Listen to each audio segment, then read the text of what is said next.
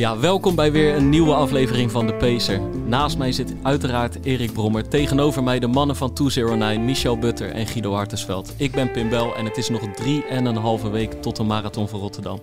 De vorige keer dat deze vier heren samen een podcast opnamen, had ik net de halve marathon van Maasluis gelopen in een nieuw PR. Alles ging crescendo en we gingen de marathon-specifieke fase in. En toen, toen kwam er een kink in de kabel.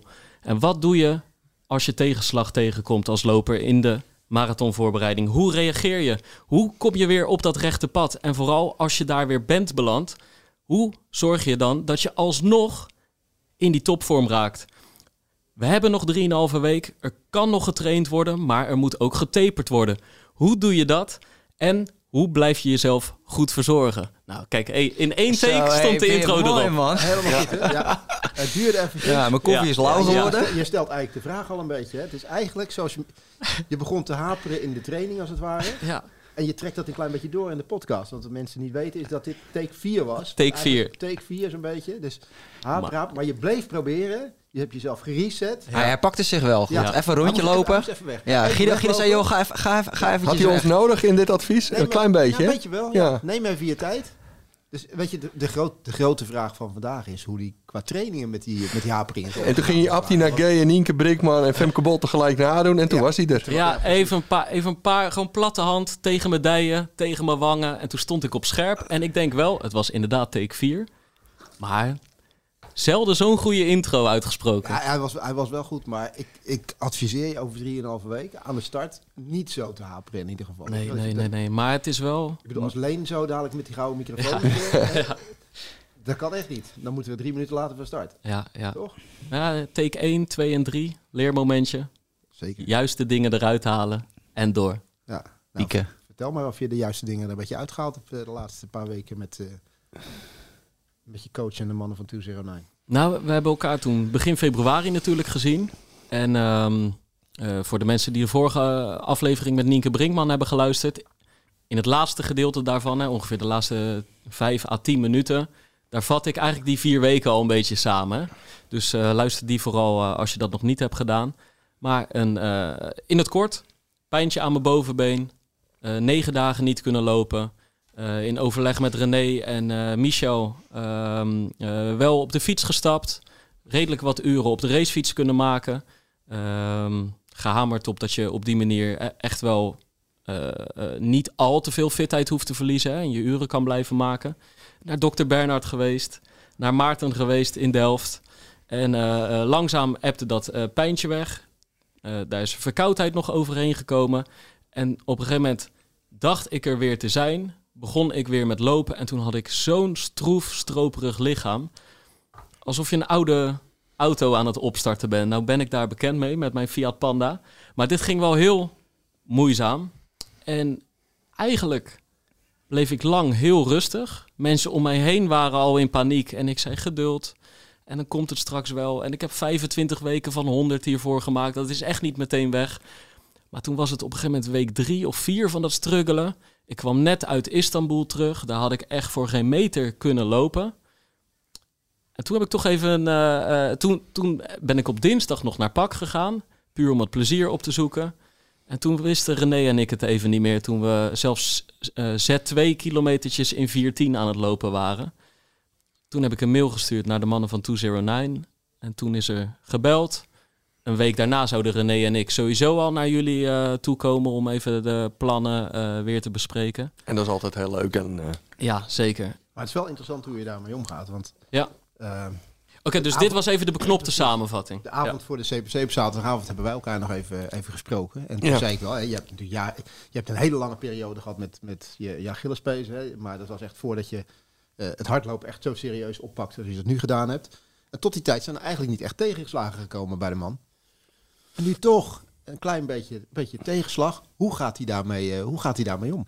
En ehm, ja, ik heb die gesprekken natuurlijk niet gehoord. Dus ik ben eigenlijk wel benieuwd hoe dat, eh, hoe dat verlopen is. En, en hoe jullie hem nou langzamerhand dat, dat, dat roestige, roestige begin weer, eh en ik vroeg aan tot jou, een soepel lopende machine gaan krijgen. precies, heb je nog input? Je kent hem natuurlijk als geen ander. Ja. ja. wat is er aan de hand? Ik heb er zoveel mogelijk informatie. We kunnen naar de data kijken, maar er zit natuurlijk, de sporter is natuurlijk vooral een mens. Ja. Is heel interessant wat die toe zijn. Nee hoor. Nee, Dus- nee, ik, vind, ik, wat ik toen tegen jou zei ook, van ja, ik zeg, Pim is wel een man die, eh, eh, waar, waar het leven wel redelijk makkelijk van afgaat. Weet je, het loopt allemaal florissant. Ik, ik heb zelfs de naam zondagskind bijna genoemd.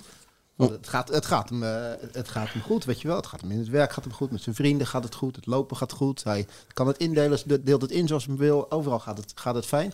En nu, nu is het interessant om te zien wat er gebeurt als er een, als er een tegenslag komt, en dat is natuurlijk niet fijn, hè, laten we zo zeggen. Gaat die starten morgen? Zit, zitten hier liever niet eh, eh, met, met op die manier, maar weet je, het, het was nog niet bekend of die ging starten op de avond ervoor, want ik hoorde, ja, je, je twijfelde nog, eh, nog voor die tijd, van hoe ga, hoe ga je daar nou mee om? Als het eigenlijk continu lekker gaat, lekker gaat, en nu is die tegenslag, en toch, weet je, van ja, wat, eh, hoe, pak je dat, hoe pak je dat nou op? Ga je, ga je, ga je zoeken? Ben je geduldig genoeg? Dat soort zaken. Nou, dat zullen jullie vast allemaal doorgenomen hebben met hem.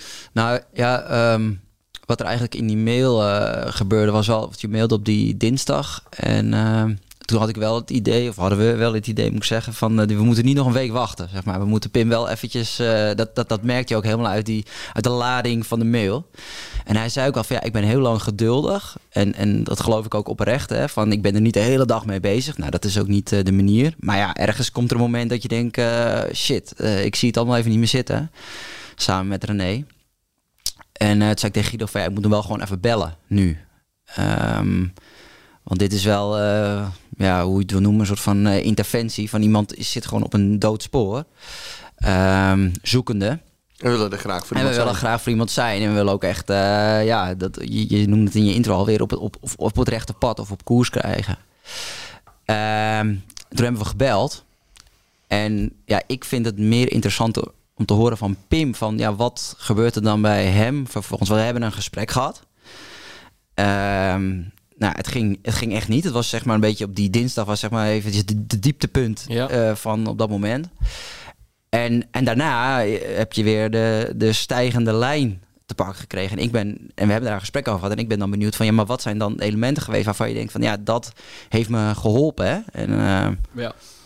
Zeg maar, eh, een soort, volgens mij een soort vi- viertrapsraket geweest of zo, of vijf zelfs. Er zijn, zeg maar, in die eerste weken ben ik er eigenlijk voor mijn gevoel redelijk geduldig, niet in paniek. Eh, gewoon de dingen proberen te doen die nodig zijn. Dingen uitsluiten door bijvoorbeeld naar eh, de dokter en de fysio te gaan. Nou, niks is kapot. Je kan blijven lopen. Dat ook doen, weet je wel. En dan, nou, dan gaat het maar even niet goed. Dat was fase 1. Daar heb ik volgens mij niet heel veel fouten in gemaakt. Behalve dat ik, toen ik terugkwam van die verkoudheid. Toen liep eigenlijk die eerste lange duurloop na een paar kortere zo goed. Dat ik tot 36 ben doorgegaan. Vier dagen later een 30. Die twee, die twee combinatie was, was denk net wat te zwaar. Waardoor ik echt wel die week erna bijna niet goed heb kunnen lopen. En in die week daarna, toen, toen waren René en ik zoekende. Omdat elke training die je doet ook niet, totaal niet het verwachte effect eh, eh, heeft. Ook niet in de buurt komt daarvan. Ik, eh, heel lang herstellen van hele kleine loopjes. Na drie kwartier nog steeds stroef voelen. Ja, toen was die dinsdag inderdaad het dieptepunt, om het zo maar te noemen. Eh, eh, ehm, jullie gemaild. ehm, Ah, er met echt wel van waar doe ik nu goed aan? Want eigenlijk had ik het gevoel, je doet er nu het beste aan om een paar dagen rust te nemen. Maar mailde ik ook, dat ga ik niet doen. Ik wil gewoon blijven trainen. Ik wil weer, weer naar dat niveau. Alleen hoe doe je dat? Dus dat was even. eh, en toen, eh, in elk geval waar ik, waar ik veel aan had, ik had op die dinsdag of woensdag Erben Wennemars al aan de lijn gehad. En die zei al van, eh doe het er even niet toe of jij je goed voelt of niet. Maar belde je hem als hulplijn ook? Nee, hij belde mij. Hij, blijkbaar voelde hij aan, universum, dit, dat. Ik moet even Pim bellen. Hij, die belt me gewoon af en toe van, Ja. hoe gaat het? Ja, ja. En, eh, Nou, hij belde mij ook nog. Zal ik Pim even bellen? ja, die zei, je doet er gewoon even niet, eh, niet toe hoe jij je voelt. Je moet gewoon eh, lekker naar buiten. En dan, eh, eh, je, ja, je bent, toch niet, eh, je bent toch niet ziek? Je bent gezond, je bent niet geblesseerd. Je moet gewoon even naar buiten. En wie weet kom je, eh, kom je fijner terug. En wie weet niet, maar dan heb je in elk geval getraind. Ja. Maar, en echt ongeveer twaalf uur later had ik jou aan de lijn met min of meer dezelfde boodschap. Michel legde me een beetje voor van, ja kijk, en ik stond niet op het punt om vier dagen rust te gaan pakken of zo. Maar ergens zit het wel in je hoofd van alles wat ik doe helpt niet. En toen zei Michel, ja, eigenlijk hetzelfde. Van ja, hè, hoe denk je nou dat het gekomen is? Nou, kwamen we er al pratende over, wat ik ook met René had geconcludeerd. Het lijkt op een optelsom op een combinatie van factoren. Ziek geweest, pijntje, te- meer op de bank gezeten, even niet gelopen, geen tempo's geraakt, et Reizen. cetera, et cetera. Reizen, eh, druk toernooi, combinatie van factoren. Maar het lijkt er niet op dat je nu ziek bent. Eh, het pijntje is weg. Ja, hij- Michel zei eigenlijk, en die woorden kwamen echt binnen. Dat was het van, ik denk een gesprek van 25, 30 minuten. Maar hij zei, ja, ik zou gewoon al in gaan. En dat was niet van, ga nu als een bezetene bizarre trainingen doen die je de afgelopen vijf weken niet gedaan hebt. Maar wel van, ja, we zitten op vijf weken of zo. Of, ja, vijf weken denk ik. Vijf en een halve week. Ja, ik zou gewoon al ingaan. In de zin van, probeer gewoon zoveel mogelijk te lopen. Doe dat even hoe jij nu denkt dat goed is. Mag met alleen maar rustige loopjes. Eh, eh, misschien een klein beetje tot en met AET, zone, t- zone 2 tussen aanhalingstekens. Probeer wel die versnellingjes te blijven doen voor de coördinatie. Die was ik inderdaad ook aan het doen. En toen heb ik eigenlijk in die vijf, zes, zeven dagen daarna best wel weer hogere omvang eh, kunnen draaien. En je weet niet of het aan die twee telefoongesprekken heeft gelegen. Kijk, ik had ook al die dag na dat doodspoor heb ik uiteindelijk niet getraind. En toen voelde ik ook weer een soort mini-ziektetje opkomen, was weer snel weg. In elk geval gingen die dagen daarna, gewoon voelde ik eindelijk, voelde dat lijf wat losser. En dan krijg je het gevoel, hé, hey, ik ben nog lang niet op het niveau waar ik wil zitten. Maar met li- dit lichaam kan ik wel weer werken. Hè, kan je weer ergens naartoe groeien. Maar Michel, waar- waarom, En- waarom sorry dat je Nog één ding, nog één ding. En, en dan zie je hoe belangrijk het mentale aspect ook is. Want dan voel je dat je weer kan groeien. En dan is het veel makkelijker om die gedachten in je hoofd te houden. Maar waar, waar haalde jij uit om te zeggen van eh, ga maar all in? Want ik dan zeg maar als ik ben, hou me niet bezig met de schema's, maar kan ik denken van nou misschien een beetje overtraind, misschien iets te veel gedaan. Maar jij durft toch te zeggen van ga maar, ga maar all in. Wat, is- wat was de, waarom durfde je dat, dat, dat te roepen? Nou, Wel met rustige loopjes. we deden... Kijk, het eerste is dus, we gingen een analyse maken van... Oké, maar wat is nu precies de afgelopen periode allemaal gebeurd? Nou, er zijn twee dingen gebeurd. Dus dat hij en dus minder fit werd door de, de voorbeelden die hij net aangaf. Hij, hij trainde ook minder. Verder voelde hij zich gewoon fit gedurende de dag, ook 's ochtends. Ja, en hij is bij eh Bernard geweest een paar keer. Hè, want ik ga niet zeggen, ga al in als er natuurlijk iets aan de hand is. Dus ik zei, ja, je hebt gewoon groen, je hebt groen licht. ik had bij, ik had bij Maarten van der Klis in Delft ook een echografie. Ja, er was gewoon niks kapot. Nee. Alleen, alleen eh, het, ik had nog wel toen op dat moment wel de indruk dat je nog niet volledig vertrouwen had in je lichaam. Klopt. Dat is het, dat is het enige. Zo van, ja, wat moet ik nou? Want ik voel me, het voelt niet lekker en het voelt, voelt stroperig. Alleen, ja, alle signalen zijn eigenlijk verder vanuit de, vanuit de experts en eh, dat, dat het kan. Ja, voordat alle, En- elke luisteraar nu all in gaat. Ja, precies. dus dus, dus dit is wel, het was wel gebaseerd op een, op een, op een analyse samen die we, die we deden om even uit te zoomen. Ik ging even samen met hem uitzoomen. Ehm, en ik zei het enige wat je kan doen, hè, je kan of nu, wat zijn eerste gevoel was, volledig rust nemen. Maar dat brengt je niet eh, dichter bij Rotterdam. Dat brengt je alleen maar verder weg. Ik zou het ook niet gedaan hebben trouwens. Nee. Hè? Maar ergens speelde dat gevoel Ja. wel, ja. En het, en het andere is van ja, ga eerst maar ehm, weer gewoon trainen. Zoek- op zoek gaan naar een nieuwe structuur. Dus een van de dingen is ook van joh, ga je weer twee keer per dag trainen. Je was ook een beetje te veel nog per dag aan het kijken. Ik zei ja, maar waarom? Je kan gewoon, als je twee keer per dag kan trainen, wat houdt dat je tegen? Dat is weer de structuur die je, die je had. Ga daar, ga daar weer eens terug naartoe en kijk. Eh, of je in ieder geval eh, in lage intensiteit hoe dat voelt. En doe regelmatig eh, strides omdat er ook wel een aantal systemen waren die niet meer geprikkeld waren. Bijvoorbeeld het neuromusculaire systeem was ook niet meer geprikkeld. Nou ja, later komen we daar nog op terug. Wat we ook andere fysiologische dingen waren die, die onvoldoende aandacht hadden gekregen. En dat is eigenlijk de eerste ja, stap die we dan konden zetten. En dan is het natuurlijk ook wel weer afwachten hoe die daar vervolgens dan op reageert.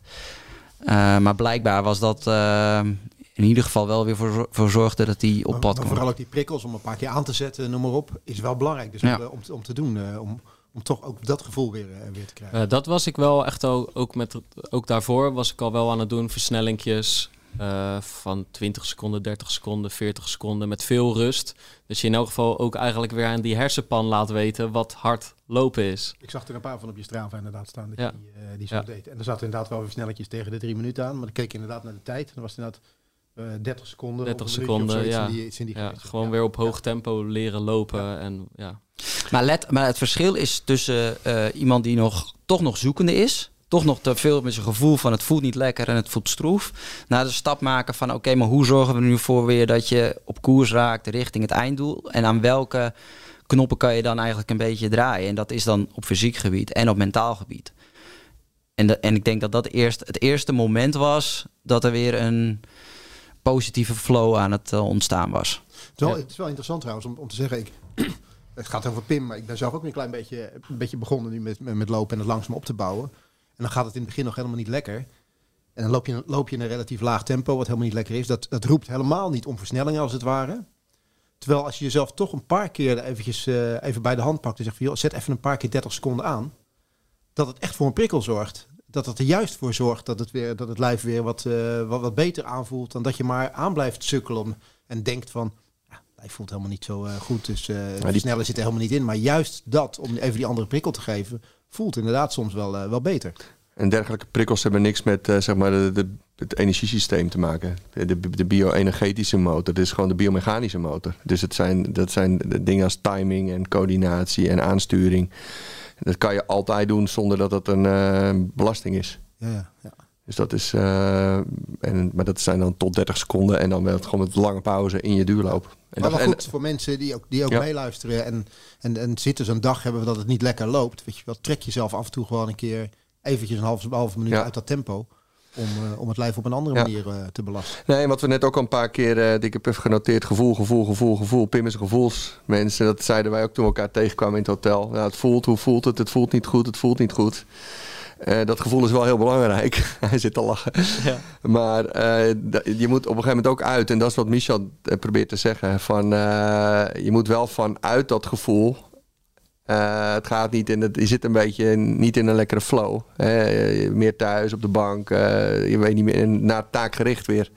En dan moet je natuurlijk wel durven. Je moet wel dingen kunnen afspreken. We hadden afgesproken dat we niet gaan analyseren en terug gaan kijken hoe kan het. maar ik wil wel even aanstippen. Um, ja, er, is een hiccup in de training dan. Er is, je komt in een wak terecht. Um, ja, je moet je altijd afvragen, gewoon als loper. Uh, met je trainers, met je trainer als je een trainer hebt thuis. Is dit te voorkomen geweest of is alles domme pech? Uh, kon je al wat dingen zien? Waar, waar let de coach op? Uh, ik zag al wel, als ik heb nog even in de data gekeken, er was al voor Maasluis een afgenomen respons op de trainingen, bij bepaalde trainingen. Dus je zag wel iets aankomen al.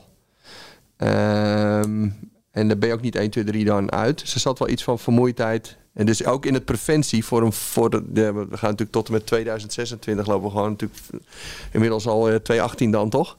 Waar zag, je, waar zag je dat op? Je zegt die afgenomen respons. Kijk je dan hartslag? Ja, ja, ja, je ziet, uh, ja, je ziet wel. Je ziet wel uh, maar dat, ik denk dat dat iets veel in detail is. Maar, uh, en als dan dingen samenkomen, zoals je zegt, met en reizen en een verkoudheid en een pijntje. Maar je wil dat natuurlijk voor zijn. Zijn, ja. zijn er al dingen, zijn er dingen die je kan monitoren waarin je al ziet, hé, hey, ik, ik loop richting een moeras. Nou, je stapt niet in één klap in een drijfzand en je bent weg. Ja. En dan vervolgens is het natuurlijk, dan ben je natuurlijk verloren in het moeras. En dan, en dan blijf je rustig, ga je niet te hyperventileren. Dan, dan lig je lekker te dobberen. En dan steek je je hand omhoog. En dan komt daar Erben, of dan komt daar uh, René, of, uh, of uh, Michel en ik, of Erik. En dan is natuurlijk, waar begin je?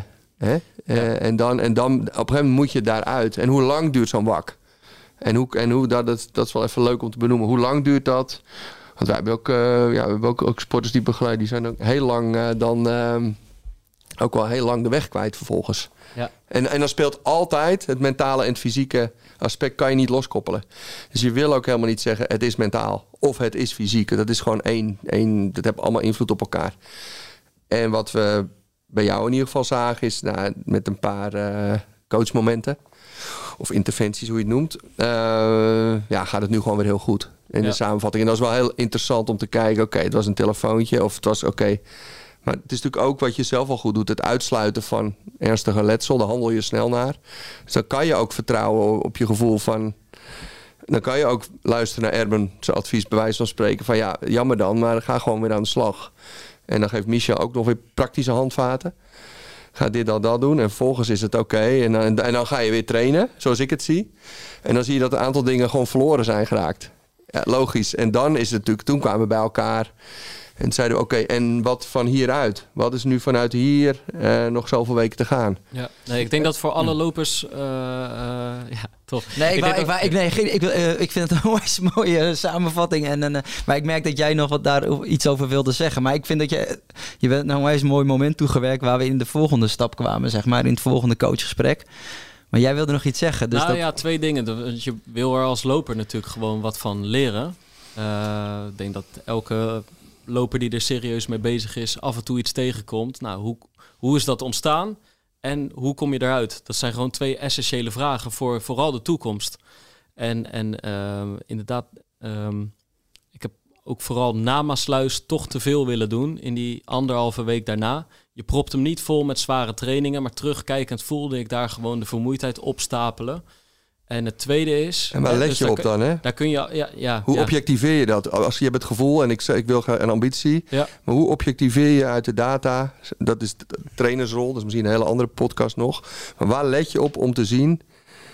En, Ja, maar ook gewoon de keuzes die je maakt en de flexibiliteit die je daarin hebt. Gewoon, ik heb toen iets te veel, zeg maar. Kijk, je kan wel een schema hebben, maar je moet gewoon mans genoeg zijn om, om op zo'n dag dat je twee keer traint, om smiddags toch even met René te appen en zeggen, joh, ik doe die van vanavond, doe ik hem misschien wel, maar ik pak hem niet tot en met de IT, maar het is gewoon een herstelloopje.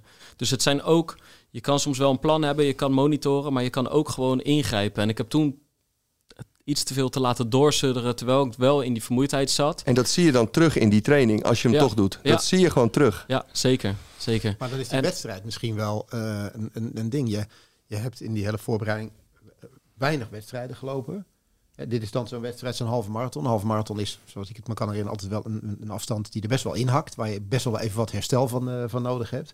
En dan is het denk ik wel een goede leer voor volgende keer om daar goed mee om te gaan. Weet je, of je een 10 kilometer loopt of een halve, dat zal Michel ook wel kunnen beamen. Dat is toch wel een verschil qua herstel, denk ik eventjes.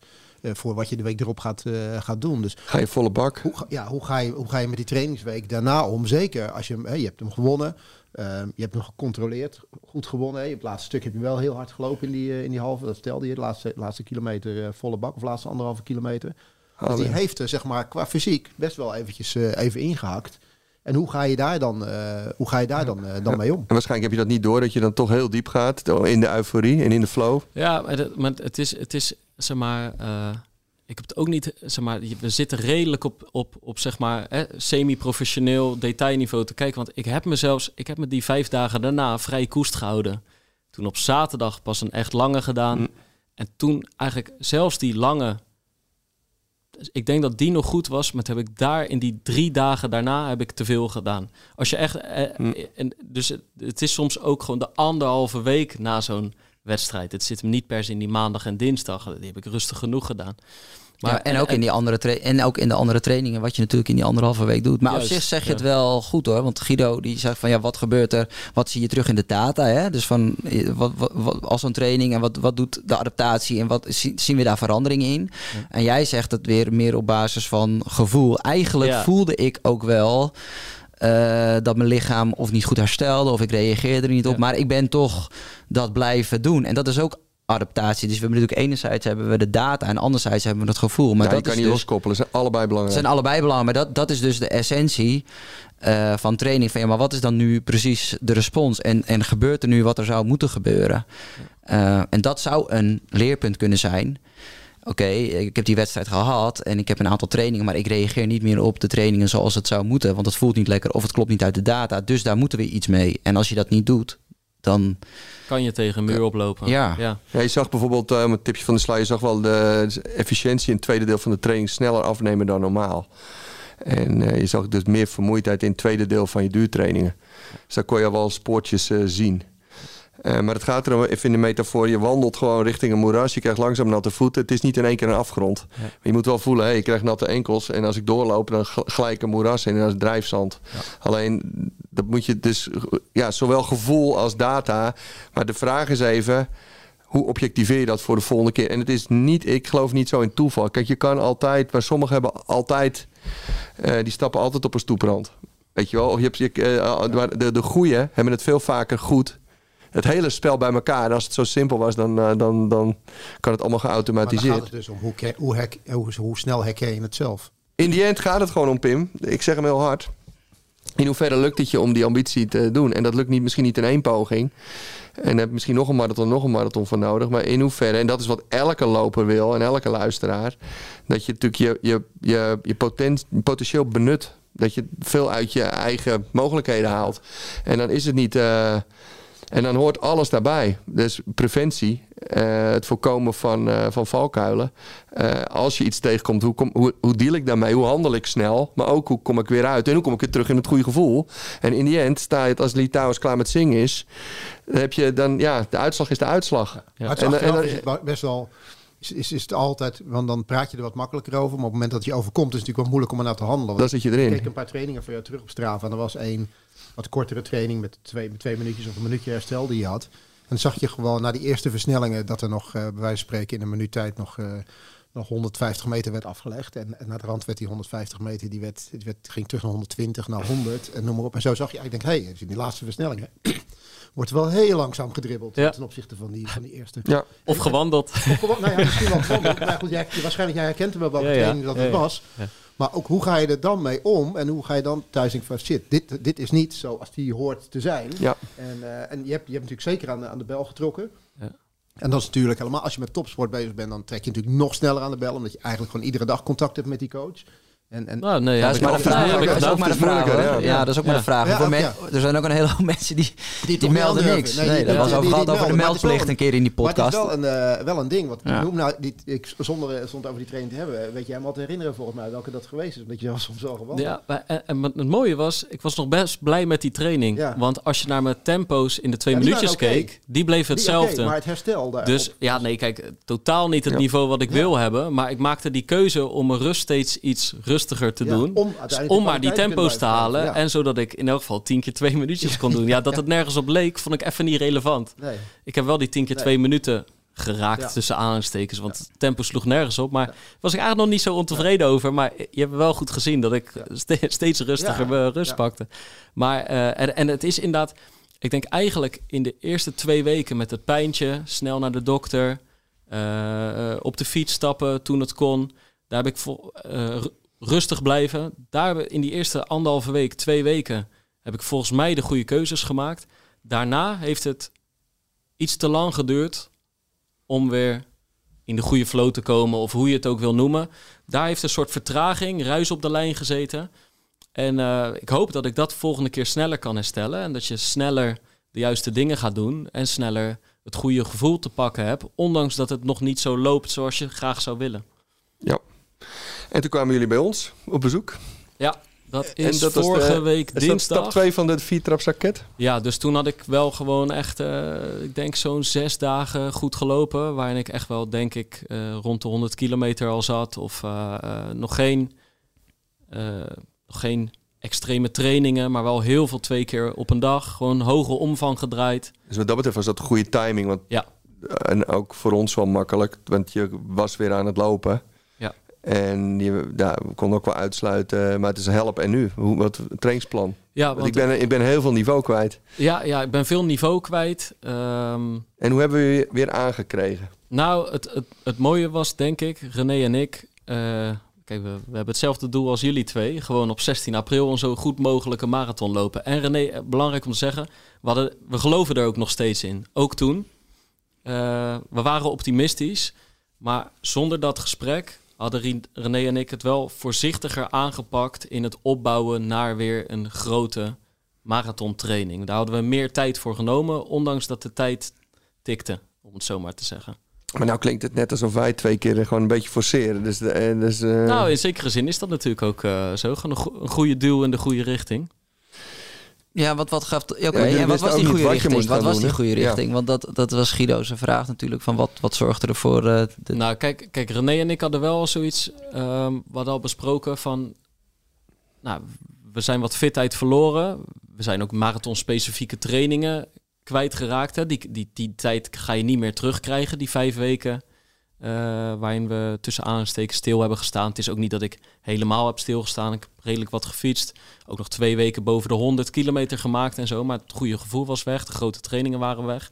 We hadden wel al zoiets van we willen wat gaan schuiven met die taperfase. We, we, hebben het idee dat we langer, dat we dat iets op willen rekken. Dat we, dat we ook in de week van drie tot en met twee weken of zelfs daar iets overheen nog echt wel serieuze trainingen kunnen gaan toevoegen. Uh, maar hoe doe je dat precies? Welke keuzes maken we daarin? Um, en hoe krijgen we nee, maar mij ik... nu weer aan de praat? Kijk, wij ja, hebben de analyse... En we hadden er wel een beeld bij, maar dat gesprek is wel verhelderend geweest. Ja, weet je nog, ik ben benieuwd of je nog weet wat, wat de kern was. Ja, zeker. Uh, ook weer compleet uitzoomen. En van wat heb je nou de afgelopen vijf weken echt niet gedaan? Nee. Want, uh, wat, je, kwam, je kwam met een, al, zeg maar, zoals je nu het ook introduceert, kom je al met een uh, gedetailleerd hè, van we gaan dit doen, we gaan dit doen. En wat Guido wel echt goed deed, hè, die had een moment van hé, hey, maar laten we eens eventjes gaan kijken. Wat is nou inderdaad uh, datgene geweest wat je juist een beetje hebt vermeden in de afgelopen periode? Ja, Guido, een analyse gemaakt van de detraining. Weet je, het help, ik ben een hoop dingen kwijt. Oké, maar wat ben je dan kwijt? Welke component? Wat de vraag, wat moet ik gaan doen? Want ik vond hem iets te kort door de bocht. Van haast je nou maar, niet... Uh, schiet nou maar op met trainen, onzin, bouw nou maar sneller op. Maar de, volgens mij was jullie hulpvraag niet van hoe snel bouwen we op. Maar, maar, maar, wat moeten we doen? Ja, zeker. zeker. Dat, dat is het, uh, daar zit nu wel nuance in. En toen... Um, Kijk, ik heb, ik heb de training ook niet gevolgd. Dus we moeten in een split second of in een. Ja, we moeten er even induiken en zo. Maar we moeten natuurlijk wel kijken van wat, wat is nou. En als je nou logisch nadenkt, dat is ook wat Michel bedoelt. Ja, waar zit de grootste detraining? Want je hebt al gefietst, je hebt al blijven lopen, dan kon je kilometers. En dat zit dan vooral in het intensievere domein. In die glycolyse. Ja, dus, dus ik denk dat je daar het meest bent verloren. En toen hebben we een testje ingepland om dat te bevestigen. En toen zeiden we, nou, zullen we die test aan het eind van de week doen? En toen, nou, met een beetje praten, toen begon in je ogen te fonkelen. En toen zei hij, ja, wat de fuck, zei jij? Ik wil die test gewoon morgen doen. En jij was dat zelf, degene die zegt, uh, dit is een hele goede analyse. We moeten, we moeten, we moeten, ik durf hem wel te doen. Want het is niet of je een, een, een, een testprotocolletje, dat, dat, het is natuurlijk evident dat je daar wel aan toe was. Het is niet, uh, oh, ik kan geen testprotocolletje doen. Maar jij zat eerst nog, gedurende het gesprek, eerst zat je van, ah, eind van de week kunnen we een testprotocolletje doen. Het komt wel erg snel. Ja, het was wel mooi, Erik. Want, hij, want we zaten eerst inderdaad van, oké, maar uh, die glycolyse, die moeten we weer uh, triggeren. En dan moet dus al, al trainingen bo, bo, rond de anaerobe drempel en daarboven. Want dat is wat hij niet heeft gedaan en veel in lage intensiteit. Dat was ook in... De benzinemotor even. Ja, ja. En, en, en, en, en die, in, die, in die week dat je eigenlijk ook weer opstarten. Ja, oké, dat is dan nog wel wat strides en duurloop. Maar het is veel al, allemaal in in dat lagere bereik, lage intensiteit. En toen kwam Guido uh, en toen zaten we zo'n beetje te kijken. Zeg je, maar waar, waarom doen we niet waarom moet hij niet gewoon even een, uh, een test doen, een antest? Toen werd hij eerst een beetje zo van. Van een uh, half uur volle half bak. uur volle bak. En het zit hij eerst een beetje zo van, mm, mm, wanneer moeten we dat dan doen? En in één keer zag je echt zo zijn ogen glinsteren. En hij dacht, ja, dat ga ik gewoon ja, ja, niet vandaag. Maar, uh, want er zat eerst van, nou, misschien aan het einde van de week. Want eerst maar eens een beetje weer wat uh, dat gevoel hebben. Want hij had het al een tijdje niet gedaan. Kan dat wel? Kan dat En toen ik zei ik ga het morgen doen.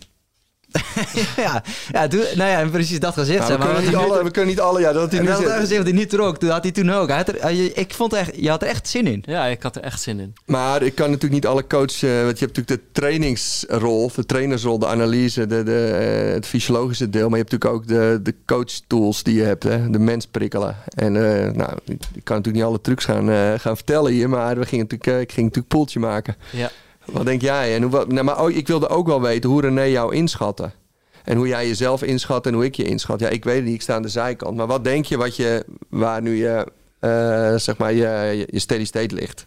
Kijk, het was gewoon even René of uh, Erik. Zijn, uh, even opletten, Erik. Jij zit weer op je mobiel. Ja, je zit me even te bekijken. bekijken. Dit is de training inderdaad. Ja, ja, ja. Dus kijk, in elk geval, zij zeiden, wat heb je gemist? Uitzoomen, wat heb je gemist? Wat heb je niet gedaan? Dat moeten we weer, uh, we moeten het lichaam weer aan de praat krijgen. Dus dat moet je doen. Waarom doe je niet een half uur volle bak? Ja, mijn eerste gedachte was een half uur volle bak. Moeten we niet eerst daar naartoe werken. Scheidbak. Vijf keer een duizendje en dan doen we een paar dagen later doen we wel dat half uurtje volle bak. Maar jij hebt vijf weken niet hard gelopen, hè? Op die 100, 100 metertjes, 150 metertjes na. CPC had hij al gecanceld, hè? Ja, maar, maar, goed, toen, was, toen, toen waren we... Het heeft niet lang geduurd volgens mij. Toen waren we drie, vier minuten verder. En toen dacht ik, ja, waarom eigenlijk niet? Weet je wel... Uh, maar je zag hem groeien, hè? Hij begon te ogen, die doffe ogen begonnen te twinkelen. Ja. En toen was het, wat denk, wat denk je wat die, waar hij nu staat? Maar ik vond het echt wel interessant, want als je... Ja, ik bedoel, het gaat niet om echt om de, het is niet de weddenschap en wie, wie, wie kent Pim het best. Maar ehm, bij welke hartslag denk je dat eruit gaat komen? Vroeg ik aan René, even kijken hoe goed hij hem kende. En welk En tempo verwacht je? En, En aan eh, Pim. Ik ben voor een half uur volle bak. Ja, met een wel een testprotocol. Dus, eh, dus inderdaad, ja, klopt. En- ja, wij, wij en het idee, het idee is dat je in- met een testprotocol... ehm, ja, dus wel 10 minuten inlopen en dan drie keer één minuut met één Gewoon de minuut. wedstrijd warming up. zeg Ja, maar wel achter elkaar. Oké, ja, Want, ja, een half uur, dus het moet wel volgens een bepaald protocol. En dat, eh, als je het goed uitvoert, dan zal dat eh, weer spiegelen de, wat je in een uur in een wedstrijd kan. Want het is natuurlijk, je, moet- je hebt niet zo diep gaan als een uur in een wedstrijd, maar volgens een protocol, ja, het is eigenlijk gewoon een tempo duurloop. Mhm. En eh, niemand gaat all-out, want je lag niet op het asfalt na afloop. Nee, Dus het weerspiegelt wel iets. En ehm, nou, René, eh, René dacht de hartslag 175. 3,32 per kilometer. Toen zei ik, ja, later. Toen begreep ik het protocol iets beter. Nou, het zal wel 3,28 zijn. Ik had ook En zoiets. Pim dacht volgens mij. 3,26 per kilometer. Maar smiddags appte ik jou. Hebt hij me nog een keer bij jou op de pool. Ik wil mijn En pool ik zei, nou, ik denk dat onder de pool- drie... Ja, wat maar dat zou betekenen dat jullie dachten... Zo, kijk, zoals ik er naar Ik keek... ging een paar uur van 3,27 Ja. naar 3,18 geloof ik. Puur mindset. Je- Maar, Kreeg eh, weer wat bravoer. maar kijk even naar... Wat, eh, normaal is het 3,10. Ja. Dus dat zou betekenen dat, dat jullie echt dachten, ik ben 20 seconden kwijt. En ik dacht, no way, want je bent gezond. Zo dacht ik het, je bent gezond. Best je, wel je hebt training, gedaan. je hebt duurwerk Ja. onderhouden. Je bent alleen wel wat kwijt. Alleen ja, op het moment dat je echt denkt, oh, ik ben eh 20 seconden kwijt. Ja, dat is wel, dan, kan, dan kan ik de paniek in jullie ogen wel voorstellen. En eh, het bleek gelukkig 3,21 te zijn in die end. Ja. Dus je bent gewoon 10 seconden kwijt. Alleen van welk systeem ben je 10 seconden kwijt? En, en dat maakt het trainingsplan. En ja, toen hebben we gewoon gezegd, nou, oké, boem, vier, vijf trainingen, inclusief die test. Dan heb je dat wel weer op orde. Ja. Ehm, ja, toen ging je wel heel blij de deur uit. Zeker. Eh, was ook leuk om te doen, de volgende dag. En het is ook goed hè, om een beetje vast te stellen waar je staat natuurlijk. Dan heb je wel iets meer een, een beeld van oké, dit, oké, dit hebben we niet gedaan. Waar moet je aan werken? Maar ook wel, ja, waar sta je nu? Wat heb je verloren? Ja, en het was de volgende dag, want ik heb echt... eh, de, de opdracht was ook een beetje van, ga maar niet... eh, eh, Ga maar niet naar je hartslag en je tempo kijken. Jij zei, plak bij wijze van spreken je horloge eh, met tape af. Ja, maar dit is ook een gevoel. Je moet, ja, je- die dat moet moet ook terug op naar het gevoel. gevoel. En toen, toen merkte ik wel echt eh, eh, dat je dus ook dat gevoel kwijt bent. Want ondanks dat ik mijn eigen kwaliteiten redelijk laat, laag had ingeschat, ben ik alsnog als een gek vertrokken. Wat was de eerste kilometer? 3, 4 of zo? Ja, gewoon, maar, ik, maar geen, geen idee wat het was. Want je hebt het vijf weken niet meer gedaan, joh. Dus normaal gesproken, als je in zo'n Maasluis rondloopt... je voelt als het ware waar die drempel ligt. En je kan er net overheen, je kan er net, Ja. je kan ermee spelen. En dat kan je een halve marathon lang doen. Ja. Hè, heuveltje op, zou je er iets overheen gaan... en laat je het weer zakken. En je voelt het als het ware gebeuren. Joh, ik liep daar nu in het Kralingse bos rond. Ik had geen flauw idee waar ik mee bezig was. Ja, ja, ja, precies. Ja, dat ja, ja, wel. ja. Ja, wel Ja. eh, Ja. carbon. En, en echt, ik krijg na, na, na, na vier kilometer, toen was het tempo al wel gedaald hoor. Toen was ik denk ik al 3.15, 3.16 aan het lopen. Maar toen kreeg ik echt wel klap en gaan werken en knokken. En gewoon niet goed ingedeeld dat half uur, omdat je het gevoel een beetje kwijt bent. En dus ook omdat je jezelf niet aan het corrigeren bent door je klokkie. Maar ehm, En de weerbaarheid en de pijntolerantie Ja. is natuurlijk Ja. ook weer weg. die En is heel moeilijk, want ja. jij Ja, zei van... hardheid is natuurlijk ook weg. Ja, ja, dat was heel moeilijk, want de laatste 10 minuten, daar heb ik niet volle bak gelopen. Nee. Maar het was ook heel moeilijk om volle bak te lopen. Het gekke is dat je vaak, als je heel goed bent, dan kan je ook heel diep gaan. Ja. Ja. Maar als je, als je dat een tijdje niet hebt gedaan en eh, als je letterlijk de roest er aan het aflopen bent, zo Ja. voelde het, dan, dan is het heel moeilijk. Want je loopt daar in een soort, ja, in een soort vechtstand en je techniek lijkt nergens meer op. En, en voor het eerst in vijf weken hoor je weer van die stemmetjes in je hoofd. Ja. Hè? Van, van ik ga te hard of eh, dit hou ik niet meer vol. Zie je wel, ik ben tordig eh, overtraind. Ja, het of, is eh, veel moeilijker om die dan te negeren of eh, positief om te zetten. Dus ik liep daar nog steeds wel te werken. Maar net niet dat volle bakachtige. Dat is heel moeilijk Ja. om dat te doen. Maar dat wisten we ook wel. En ook hoe het protocol is opgebouwd. Het moet achter elkaar door. Het is niet de adrenaline die je in een startvak hebt. Ja. Hebben jullie, dit roep je niet zomaar. Heb je dit ook wel eens een keer op Michel uit, eh, uitgeoefend? Ja, Deze het is- test? Of met andere atleten Nee, maar het gaat niet om eh, die test. Het gaat of- om wat, wat doe je als iemand... eh, dus Ja. in dit geval het specifieke voorbeeld wat jij kwijt bent. En ehm, ja, bij Michel was het toch wel meer dan de basis vaak. Dus dan hoeft dit, ja, dit was altijd een sterk punt. Dus ehm, Maar, maar het was los van het fysieke. Het was ook gewoon van... Ja, volgens mij zei jij letterlijk van... eh, we, moet, we moeten Pim even eh, patiënt afmaken. Ja. Ja. Je moet gewoon weer, je moet gewoon weer Ja. Eh, eh, een racer zijn, toch? Dat Ja. heb je niet gezegd, Maar- maar, ik bedoel, dat is een beetje de... Ja, patiënt af, dat zei Guido. Maar wel inderdaad wel even eh, voor de mensen thuis. Je moet andere dingen, ziektes en overtraindheid. Ja. Ziektes, overtraindheid en blessure uitsluiten. En dat was ook zo en daar waren we allemaal al over eens. We hebben daar eh goede Kon aan. ook, het kon ook weer. weet je. Ja, alleen wat gaan we nu? Ja, misschien nee, even wachten eerst op het gevoel en dan van het weekend misschien een test. Maar dan werd de test, het, ging, het gaat niet om de test. De test is gewoon eh de schakelmoment. En er gebeurde ook, toen we het erover hadden, gebeurde al wat met hem. En het is een startpunt. En de test bevestigde volledig eigenlijk wel de diagnostiek. En toen je klaar was, wat, wat, was, eh, wat was het gevoel erbij? Nou, nou ja, dat ik het moeilijk had gehad, maar ik had er ook echt van genoten. Want je voelt je in, voor het eerst in vijf weken, ben je weer een beetje aan het knok, knokken. En kijk, ik liep daar, voor- wat was het gemiddeld, 3,21 of zo. Eh, maar vergeleken met wat je de vijf weken daarvoor hebt gedaan, is dan een half uur 3,21. Ja, kijk, je voelt, je voelt ook wel aan van, ik bedoel, in principe hebben we afgesproken dat we de marathon op 3,22 gaan lopen. Dus je, je weet hoeveel werk er aan de winkel was. Maar ik kwam er heel positief uit, omdat je gewoon weer hebt gevoeld wat het is om nou, volle bak, semi-volle bak te gaan. En ehm, Dus gewoon als je een kater hebt, duik je dan gewoon de zee in en eh, doe je een flink ontbijt en ben je er dan weer? Of eh, blijf je de hele dag een beetje eh, Netflix en zo, hè? ik blijf gewoon van die metaforen van jou houden. Altijd vindt hij weer een, eh, een zee, een, een oven, een haardvuur, een, eh, natte voeten, natte enkels, een moeras, drijfzand. Mooi hè? Ja, heel mooi. Hoeveel ja. ken jij er, Michel? Ja, nee, nee. Ik, had had, het eigenlijk moeten ze eigenlijk? Ja, Ja. ik had het allemaal moeten noteren. Ja. Dat is wel, ja. En je ziet het wel weer voor je. Ja, je, ja, je ziet het, ja. Hey, maar is, is de, Ja. is, is, hoe heet het, vanaf dat moment is, eh, is, de, is de knop zeg maar, op een andere manier weer omgegaan? Niet dat Nou, we zijn, omstond, maar- we, zijn, we zijn nu volgens mij 43 minuten verder, maar ik noemde het een vijf of een zes traps raket. Ja. Het is gewoon een van die stapjes, is het beter gegaan, weet je wel? Dat je iets aan je lijf voelt, waardoor je weer iets meer kan doen. Dat je gesprek hebt, waardoor je weer voelt. Dat je dingen uitsluit, waardoor je weer dingen kunt doen. En dat je je op een gegeven moment weer echt hardloper voelt. En, en ik ben echt, ik ben, als ik helemaal terugkijk, ik ben optimistisch gebleven. Maar je hebt uiteindelijk wel gewoon ook weer goede trainingen nodig. En de afgelopen- gedaan, en de René mee? En de afgelopen... uh, nee, alleen. Alleen. Dat was ook de, Sorry. de opdracht. Ja, ja, ja. En de- maar de afgelopen anderhalve week voel ik weer dat ik een lijf heb waarmee je kan werken. En dan ben je nog verre van, verre van het niveau dat ik graag zou willen hebben op 16 april. Maar dan voel je dat je ergens naartoe kunt. En dat die lat hoger kan. En dat je, dat je er ook echt wel weer gaat komen. En wat dan uiteindelijk straks mijn pace is waar ik op weg ga, dat zien we straks wel. Dat zie je over een half uur, zeg maar. Eh, nee, nee, ook nog niet. Nee, nee, nee. Maar gewoon in elk geval, dan kan je weer ergens naartoe. Ja, Maar dat is een marge, daar hangt nog heel veel van af. Wat er gaat gebeuren, hoe je groeit, Ja. hoe de omstandigheden zijn. En wat natuurlijk super belangrijk is, dat weten we allemaal hier aan deze tafel. Ken jezelf, schat jezelf goed in op de marathon. Jezelf overschatten, dat is dodelijk. Weersomstandigheden. Dus dat, dat kan je, ja, waar ga je op weg, is altijd de bekende vraag van iedereen. ja en dat is ook een heel belangrijke vraag. Alleen... eh, nu nog niet te beantwoorden. Nee, we zitten op 3,5 week en we gaan echt nog wel een paar trainingen doen waar we weer heel veel info uithalen. En trainen op het niveau waar je op zit en niet wat je wil gaan lopen. Ja, en dat hebben, dat Ja. hebben we heel de tijd gedaan. Ik Ja. heb echt, ik heb, ik heb, eh, eh, bedoel, ik had het graag gedaan, maar ik heb nog niks op marathon tempo gelopen. En ook niet op 10 seconden daarboven. We, heb- we hebben echt even gekeken, waar sta ik nu? Wat is er nodig? En hoe kan ik op mijn niveau dat ik nu heb trainen? Want dan word je beter.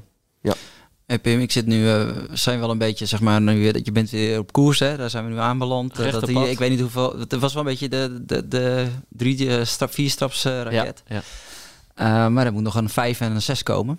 En we hebben nu een beetje de afgelopen periode besproken van oké, nou hè, jij met René, eh, jullie werken samen. Wij zijn meer, ja, de, meer de rol van de coaches, de experts van en adviseren daarin. Maar waar denk je dat we je de komende periode nog in kunnen helpen? Want, want er zijn, ja, we hebben nog 3,5 week. Ja, nou, ik denk, kijk, het is gewoon eh zaak om met z'n vieren de komende, nou ja, de komende drieënhalve week letterlijk. Maar ehm, om die tijd goed te benutten en om ook inderdaad te zorgen dat mijn niveau groeit. En dat zit hem in ehm kopie erbij houden, scherp blijven, de juiste keuzes maken in je leven, maar zeker ook in de trainingen. Kijk, we hebben flink wat tijd verloren, maar we hebben tegelijkertijd nog echt wel wat tijd om bepaalde trainingen te doen. En uh, we hebben best wel de keuze geprobeerd te maken van geen tijd verliezen. Waardoor ik afgelopen zondag ook meteen een 2 uur 15 uh, loop heb gedaan. Die uh, voor het eerst eigenlijk weer echt best wel goed ging. 3,48 gemiddeld, Papendal. Ik was drie dagen met uh, de pakkers weg. 35 kilometer zal ik staan. Ja, 35,5 kilometer met in- en uitlopen erbij 39,9. Ja, we hebben er geen 40 of 42 van gemaakt. Maar die, die gaf gewoon echt wel een goed gevoel. En, en dan, dan ben je op, letterlijk op één maand voor de start. En dan voel je van, ja, we kunnen op gezette tijden echt nog een grote prikkel aan dat lijf uh, geven. En um, nou, René en ik hebben een plannetje, maar die hebben we jullie ook uh, voorgelegd. Dus um, uh, ja, we hebben nog vier weken om te groeien. Ja, ik vind wel, ik heb er even naar gekeken in de trein, want je had gisteravond laat gemaild. Ja. Ik vind wel, mijn eerste reactie is wel dat de prikkeldichtheid te hoog is tussen die trainingen. Ja, maar dat, kijk... Maar goed, misschien moeten we daar de mensen niet... Uh... Nou, ik vind het wel interessant om het toch even te horen dan. Hoe dat, ik bedoel, het is een plannetje, het is Nee. maar voor de komende twee weken. Kan je Nee, maar die, die, wat ik, ik heb het natuurlijk kort op de mail naar jou gezet, maar we zouden het gaan bespreken. En inderdaad, Maar niet wel of niet in de podcast bespreken is natuurlijk even een keuze die we nu moeten maken. ja, nou ja, eh, Een, Maar, een, van de eh, dingen, een van de dingen wat heel belangrijk sowieso was van eh, maak een plan. Want dat, dat, dat is nu wel, eh, we moeten ergens naartoe kunnen werken. En dat plan is er nu. En eigenlijk vraagt Pim van jongens, willen jullie daar nog even naar kijken zo in deze eh, Ja, op die manier, ja. ja, laatste ja. fase? Ja, en de rol, maar wat ik, we hadden ook een, eh, de dag na die testanalyse, toen eh, de dag na die testanalyse, of die, toen je die test had gedaan en we geanalyseerd, toen ben ik ook even in andere data gaan duiken van, de, eh, zeg maar van die eh aerobedrempeltrainingen. En die lange trainingen. eh, om daar ook wel een beetje benchmarks te kijken. En, ja, daar viel me wel dingen op. Want ik heb nogmaals, we spelen een andere rol tegenwoordig. Dus en waar ga je dan op letten? En toen, ja, ik dacht voordat ik een hele mail ga typen, denk bel je gewoon even op. En toen hadden we een heel leuk gesprek. Toen zeiden ah, dit is echt iets voor volgende week. En toen had je het over de rol van de coach. dat, was, dat was ook mooi. G- Guido zei, ik bel even, want dat is sneller. En vervolgens hadden we elkaar een uur aan de lijn. Ja, ja, ja, ja. Maar dat is- dan kom je toch op andere punten. Dus dan, en dan kom je natuurlijk op wat, wat is de. Toen zei toen bedankt je, vond je het zo tof. En toen zei ik, maar welke rol speelt René nou? Welke rol speelt de coach? Toen hadden we, we weer even terug van. Ja, zeg maar de sterielere manier van, eh, ja, eh, zeg maar, noem het even digitaal coachen. Eh, en het gevoel dat de woorden, de woorden die je typt als je over en weer in Training Peaks is toch anders als, als de woorden van elkaar ontmoeten. Dus hij zegt, ik, mijn wens is om de komende twee jaar de best of both worlds te hebben.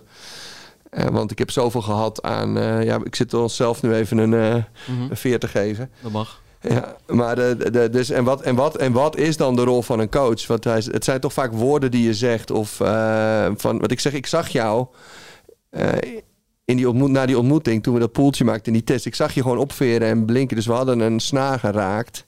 Dus je kan, je, je, als sporter heb je gewoon mensen om je heen nodig. Het is een stukje René, een stukje. En, en eh, maar goed, dat kan je misschien het beste zelf zeggen. Want dat, dat, toen zeiden we dat is ook misschien wel interessant voor in de podcast, zei jij. Nou ja, zeker. Kijk, eh, sowieso, zeg maar, hoe raak je iemand, toch? En eh, hoe krijg En je laat je je raken of niet raken? Ja, ja. En, maar ook gewoon welke me- mensen verzamel je om je heen. Ik moet er echt niet aan denken dat ik zo'n marathonvoorbereiding in mijn eentje zou moeten doen. Weet je wel? Dat je überhaupt soort van zelf al je schema maakt. Dan daar met niemand over kan sparren. Dan als je ontzettend goed gaat, maar misschien te enthousiast raakt. Of redelijk slecht gaat en weer op de juiste koers moet raken. En je vrouw mee op de fiets elke training. En dat is een kutwijf. als, je dat allemaal, als je dat allemaal zelf zou Of moeten... andersom. Lijkt- Het lijkt me, ik, ik, ik denk niet dat ik dat dan jaren zou doen. Maar het gaat ook om niet te veel mensen en om de juiste mensen. Je moet natuurlijk ook vertrouwen hebben in de mensen om je heen. Ja, zeker. Zeker. En ze moeten goed samenwerken. Ja, en ook gewoon die, die vorm vinden, weet je wel? Dat je, dat je op een gegeven moment denkt van ja, zo zou ik het eh, willen vormgeven. En eh, ja, het is gewoon wel oprecht. Als ik dat in mijn eentje had moeten doen, zonder René, Guido, Michel, eh, Erik. eh, Erik eh, Erben die belt, eh, vrienden die af en toe een duim opsteken. Ja, dan, eh, dan had ik nu denk ik alsnog achterstevoren in Maar Istanbul wat ik ook wel interessant vind en wat ik nu gehoord heb, is ook dat je als coach open moet staan, als je het niet meer weet, om te vragen aan een ander. Hè, je bent met, met René, ben je naar, eh, naar Guido en Michel toegegaan, want we lopen eigenlijk een beetje vast. Ja. Weet het niet zo goed. Hoe moet het dan? Hoeveel coaches zijn er niet die toch iets te veel ego hebben en zeggen van, nou, Ja. dat doe ik niet. Ja. Dat, dat je, de- sowieso. Ik denk dat dat echt super belangrijk is. Ook, weet je, weet je, jij hebt een trainer-coach relatie. Dat je iemand bij je hebt die zegt van, oké, we lopen vast. Ehm, we hebben experts die er, nog, die, Ja. die er misschien net eventjes wat meer ervaring nog in hebben. Daar gaan we naartoe, daar gaan we tijd in steken om dat te doen. Ik denk dat dat gewoon echt heel erg belangrijk is. En voor jou, bijvoorbeeld naar, naar René ook, ook gewoon heel prettig is. Dat je weet Sowieso. gewoon van, weet je, hij, hij helpt me daar waar hij kan. Op het moment dat hij vastloopt, dan, hè, dan durft hij ook de stapje, eh, een stapje te Ja, dat is wel heel mooi wat te zegt. Maar het is ook geen teken van zwakte. Ik vind het een absoluut teken van kracht van René. En het is ook elke keer leuk. Het is ook helemaal niet van wie weet het meeste of zo. Het is gewoon, eh, je, je bevraagt elkaar. En er is altijd meer energie als we weggaan. Nee, maar we weten daarom- en maar daarom uitzoomen ook. Want je is weet- ook gewoon eh, uitzoomen als, als, als atleet en als coach is belangrijk. Maar als je twee hebt die nog net iets verder vanaf kijken, het is makkelijker uitzoomen. Maar hoe vaak zie je niet het voorbeeld van een atleet of een, van een coach die eh, met een atleet bezig is, die best goed gaat, waarvan je misschien op afstand ziet van hij gaat goed, hij loopt een beetje vast, maar eigenlijk moet er iets gaan gebeuren om die volgende stap te maken. Maar of de atleet durft het niet, omdat de atleet-coach relatie wel heel erg close is of, of wa- wat dan ook. En daardoor maar blijft hangen en dat de ontwikkeling stil blijft staan of andersom, voor zowel de atleet als de coach. Dus ik vind dat wel echt wel een, eh, een, een belangrijk iets. En dat is het mooie denk ik van de samenwerking die, eh, Ja. die jullie hebben met, eh, met elkaar. Dat je dat op die manier gewoon, gewoon doet. Hey, en we willen inderdaad ehm eh, taperen willen we nog aanraken als, als gespreksthema. Zeg maar, we, we hebben nu nog 3,5 week. Nou ja, in heel veel online schema's die je ziet, zie je dat de recreant op drie weken voor de marathon hun verste lange duurloop heeft. En vanaf dat moment ga je afbouwen naar die grote dag. Ik vind altijd dat daar, dat, dat is bijna dat is een enorm hoge top van een piramide. En daarna donderen ze naar bijna niks meer doen we, we hebben eigenlijk de keuze gemaakt van nou ja, sowieso ook door het niveau dat ik heb, hoe beter je getraind hebt, hoe groter je herstelvermogen, maar dat er echt wel ruimte is om nog flink wat te doen in die laatste fase. Maar volgens mij is het sowieso een interessant thema om, om aan te raken, ook voor alle eh luisteraars. Ja, ik zie Guido iets opschrijven en hij zet er een dikke streep onder. Dus die eh, paas ik zo even naar hem door. Maar waar het om draait is dat we ook in het gesprek vorige week met René hadden van... Ja, oké, maar kunnen we dan inderdaad eh, twee weken van tevoren de laatste training doen? Of eh, tien dagen of moeten we het traditionele taperen aanhouden? Ehm, waarop wij zeiden van ja, maar wat is dat dan precies? Is er iets van ehm, het, traditionele taperen? En dat, ja, dat bestaat eigenlijk niet. Ja, we moeten wel, je moet wel minderen, maar je moet ook heel erg naar de, naar de persoon zelf kijken, naar het individu. Eh, w- w- werkt hij juist goed? De ene werkt heel bij, goed bij veel taperen, de ander weer minder. Ja, Ehm, er bestaat wel taperen, maar eh, ik denk dat fine-tune een beter woord is. ja. En eh, dat is wat ik opschreef. Ja, oh fine-tune. Ja, mijn handschrift, eh maar ik maak Nee, ik, ik, nee, ik, ja, ik zag die dikke streep eronder, dus ik dacht... eh, die Ik neem moet, zo eh, hard dat hij gewoon te horen is. eh, Ehm, ja, kijk, uiteindelijk gaat het om een piekprestatie. En dat is natuurlijk eh, de balans tussen eh, fitheid, getraindheid zo hoog mogelijk. En vermoeidheid zo laag mogelijk. Maar natuurlijk, als je heel erg te uitgerust raakt, raak je van je- wat van je fitness kwijt. En als je het, eh, ja, en vice versa. Dus het is de, optimale balans tussen uitgerustheid en eh, ja, eh, ja, fitheid, het aerobe systeem. En dat is natuurlijk wel echt individueel. tapering voor een topatleet is echt wel anders als. ja, en, niet, en niet over de grens gaat. Dus ook hoeveel stapelvermoeidheid zit er al daarvoor.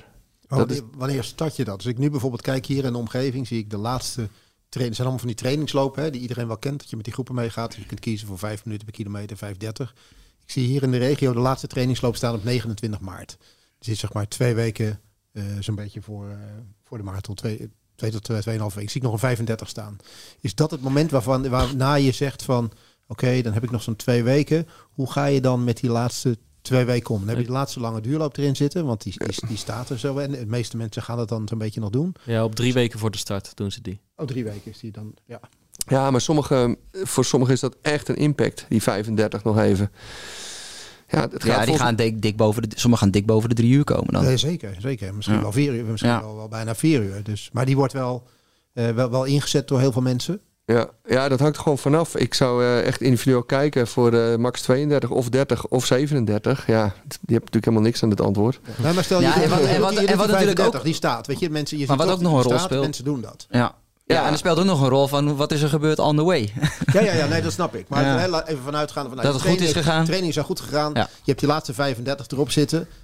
En dan, hoe ga je hem nog zeg maar, gemiddeld invullen? Hè? Nou, wat het heel verhaal belang- van Pim is nu een ander verhaal. Omdat je, hè, hij heeft, wij spreken nog wat, wat goed te maken ergens. Maar gewoon gemiddeld. Nou, als Wat mensen dan beter worden, blijven beter worden. Dus je ziet elke keer nog een training en er is een goede respons. Dus training, iemand wordt beter. Training, iemand wordt beter. Training, wordt iemand wordt beter. Ja, dan zit iemand gewoon wel in een goede flow. En dan, als je die laatste nog goed doseert en je bent ook 30 gewend en je pakt er 35 bij. Ja, dat is dan eh, 25, 20, 25, 30 minuten erbij. Ja, dan moet, je, dan moet diegene en die trainer even goed inschatten. Maar als iemand gewoon, maar als je al vermoeidheid ziet of een slechtere respons op de training in die twee weken ervoor. Of in die lange duurloop. Ja, en dat die 30 eigenlijk al pff, met een best wel echt enorm veel verval in het laatste deel. Dan is maar de vraag wat je doet als je er 35 bovenop doet.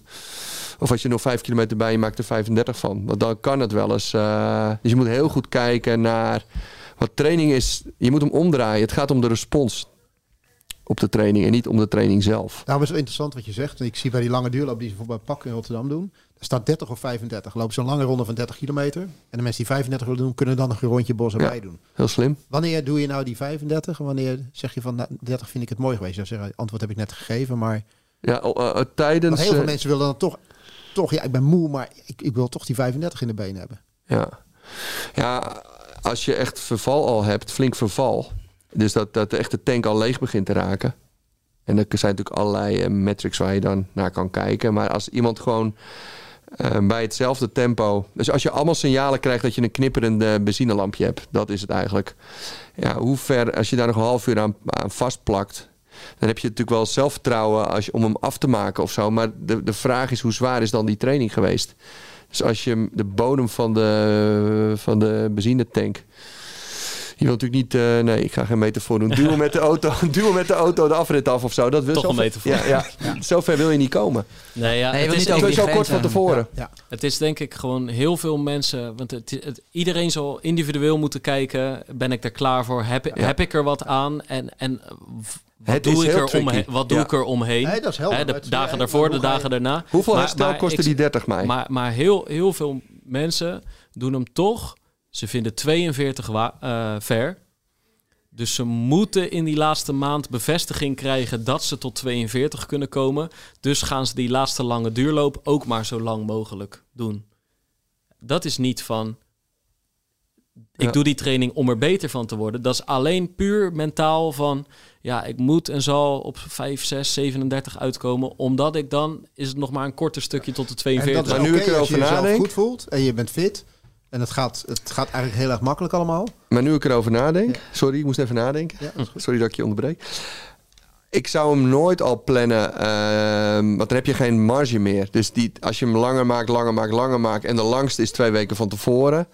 Natuurlijk willen die mensen hem dan doen, want anders mis je hem. Maar waarom schuif je het hele schema niet één of twee weken op? Dat je dan de langste, die 35, eh, drie of vier weken van tevoren hebt. Why not? Want dan kan je nog zeggen, we doen hem vandaag nog niet. We doen twee keer die 30. En dan doen we hem over een week. Of we doen hem misschien Maar nog een week het, maar later. Dat Maar, inderdaad het vermogen hebben om het zelf te kunnen aanpassen. En dit is vaak eentje die staat, er staat op het programma, die is georganiseerd, die is geregeld. en het is de lang, ja. En dan doen mensen die. Maar hij moet, ik neig nou, hij moet ook geen dag later. Het is al tricky, twee weken van tevoren. Dus je, je hebt ook helemaal geen enkele speling. Dus je wil hem wel doen omdat je hem nodig hebt. Maar het is, het is twee weken van tevoren. Dus je kan ook helemaal niet schuiven. Dus dan kom je in dat duivelse dilemma van... ik moet hem doen wat... Ik wil hem eigenlijk doen wat ik wil. Dat, ik wil hem in de pocket hebben. Ja, wees dan maar eens verstandig. Terwijl... Ja, die, volgens mij ben je dan best wel moeilijk in Nou, hij staat... zit inderdaad volgens mij drie weken van tevoren, hè, dat je zei. Die, die lange. Ja, ja, ja. ja, precies. Dat is wel verstandig. Ja, ja, ja. en het is ook. ehm, het, kijk, we, hebben het nu over, in. we hebben het nu weer over fine-tunen. Bijvoorbeeld ook de, hoe we afgelopen zondag mijn loop hadden afgesproken. Van even inlopen, kort daarna eh, uitjoggen of wandelen of wat dan ook. 2 uur 15 rond de aerobe drempel. Hooggezonde 2 voor mensen die in zones eh, denken. Ehm, dat ligt bij mij op 158. Ga, Aerobe drempel. ja, ja, de aerobe drempel ligt op hartslag 158. Ga daar het eerste uur zitten. Dan mag je het echt wel later in die loop eh, wat moeilijker krijgen. Eh, iets meer het marathongevoel nabootsen. We hebben het niet over tempo, maar iets meer de vermoeidheid. Dus het mag naar 160, 162. Maar het mag ook geen lijdensweg worden. Dus, dus, want als het een lijdensweg was geworden, kost het me vier, vijf dagen herstel. Kan ik in die dagen bijna niet meer trainen. En is het maar de vraag of je er beter van terugkeert. Dus dat, dat is een beetje het zoeken naar. Maar het wordt ook geen leidersweg, omdat we precies de aerobe drempel weten. Ja, dat En omdat, je met een, en omdat je met een opdracht eh, die, die aan die training begint. Dus met een duidelijk idee wat je eruit wil, eh, wil halen. Maar dan moet het toch Ja, even- maar wat Guido bedoelt is als jij gewoon op die aerobe drempel blijft, dan wordt het geen Kan het niet. leidersweg. Nee, dan heb je geen weekspierpijn. Maar dan moet het toch nog Ja. even terug naar dat taperen. Hoe ga je dan gemiddeld, als gemiddelde zeg maar, atleet na die laatste lange duurloop, met de la- na- in die laatste 2,5 weken, hoe ga je die dan in? Hoe ziet, de, hoe ziet dan die combinatie van fit blijven en, en, en niet, eh, niet, te uit, niet alleen maar uit, uitrusten door op de bank te zitten? Hoe ziet dat er dan uit? Ja, onder, onder, onder, onderhoudsdoseringen van alle systemen. Dat, eh, dat is even, maak ik me makkelijk vanaf. Maar, dat- ik, ik, eh, het is natuurlijk gewoon wel, over welke atleet hebben we het? Nou, ik loop 3,5 uur op de marathon en eh, En wat ben ik gewend, wat ben ik gewend te ja, ik trainen? ben gewend om drie, vier keer in de week ben ik, ben ik gewend om te trainen. En eh, ja, dan, ga je, dan blijf je drie, vier keer in de week trainen. En je maakt het gewoon wat korter. En je onderhoudt. En je doet eh microdoseringen, marathontempo. Ja, wat, ja, denk, ik zou het specifiek houden. Want je hoeft helemaal niks wat veel harder is of veel langzamer. En ja, en, maar je, je deed... Ja, Maar ga vooral niet terug naar twee keer in de week en ga te veel op de bank liggen en alles. Maar Nee. Gewoon datgene doen wat je normaal Nee, want heel veel is ook coördinatie en spierspanning. Dus een heel groot deel, gedeelte is ook van, eh, hè, de, hoe noem je dat? De pop in de legs, de snap in de legs. En gewoon dat, dat gevoel hebben van eh goede bounce, lekkere, eh, ja, als je te extreem... Dat, is wel, zijn volgens mij bekende fenomenen in de sport. Hè? De, de, de wielrenner naar de rustdag. Ik heb, wel- ik heb, Hè, wel, en ik, de- ik- de- ik- maar ik ik heb een goed voorbeeld, denk ik. Ja. Kijk, en, en eh, eh, de winnaar heeft altijd gelijk. En Fred, mijn lieve vader, die heeft gewoon al 33 marathons gefinished in Rotterdam. Dus ik bedoel, eh, weinig mis mee. Weet je wel, hij is nog nooit heeft hij aan de start gestaan dat hij de finish niet heeft gehaald. Maar die gaat echt, die gaat op maandag nog naar pak. En daarna zegt hij, dus hebben we het over zes dagen van tevoren. En daarna zegt hij zo, taperen. Doet hij helemaal niks meer. Voorraadkast ligt vol met roze koeken, eierkoeken, krentenbollen, lekker stapelen. Maar ik kan me gewoon niet voorstellen dat je in die week je beter gaat voelen van op maandag nog laf lopen, daarna niks meer doen, alleen maar suikerstotje nemen en dan op zondag die marathon. Ik, ik denk echt dat, dat, dat Fred, ja, hij luistert sowieso, maar dat hij er beter van wordt als hij op, eh, op woensdag nog even loopt en op vrijdag nog even loopt. En wat mij betreft is het een half uurtje.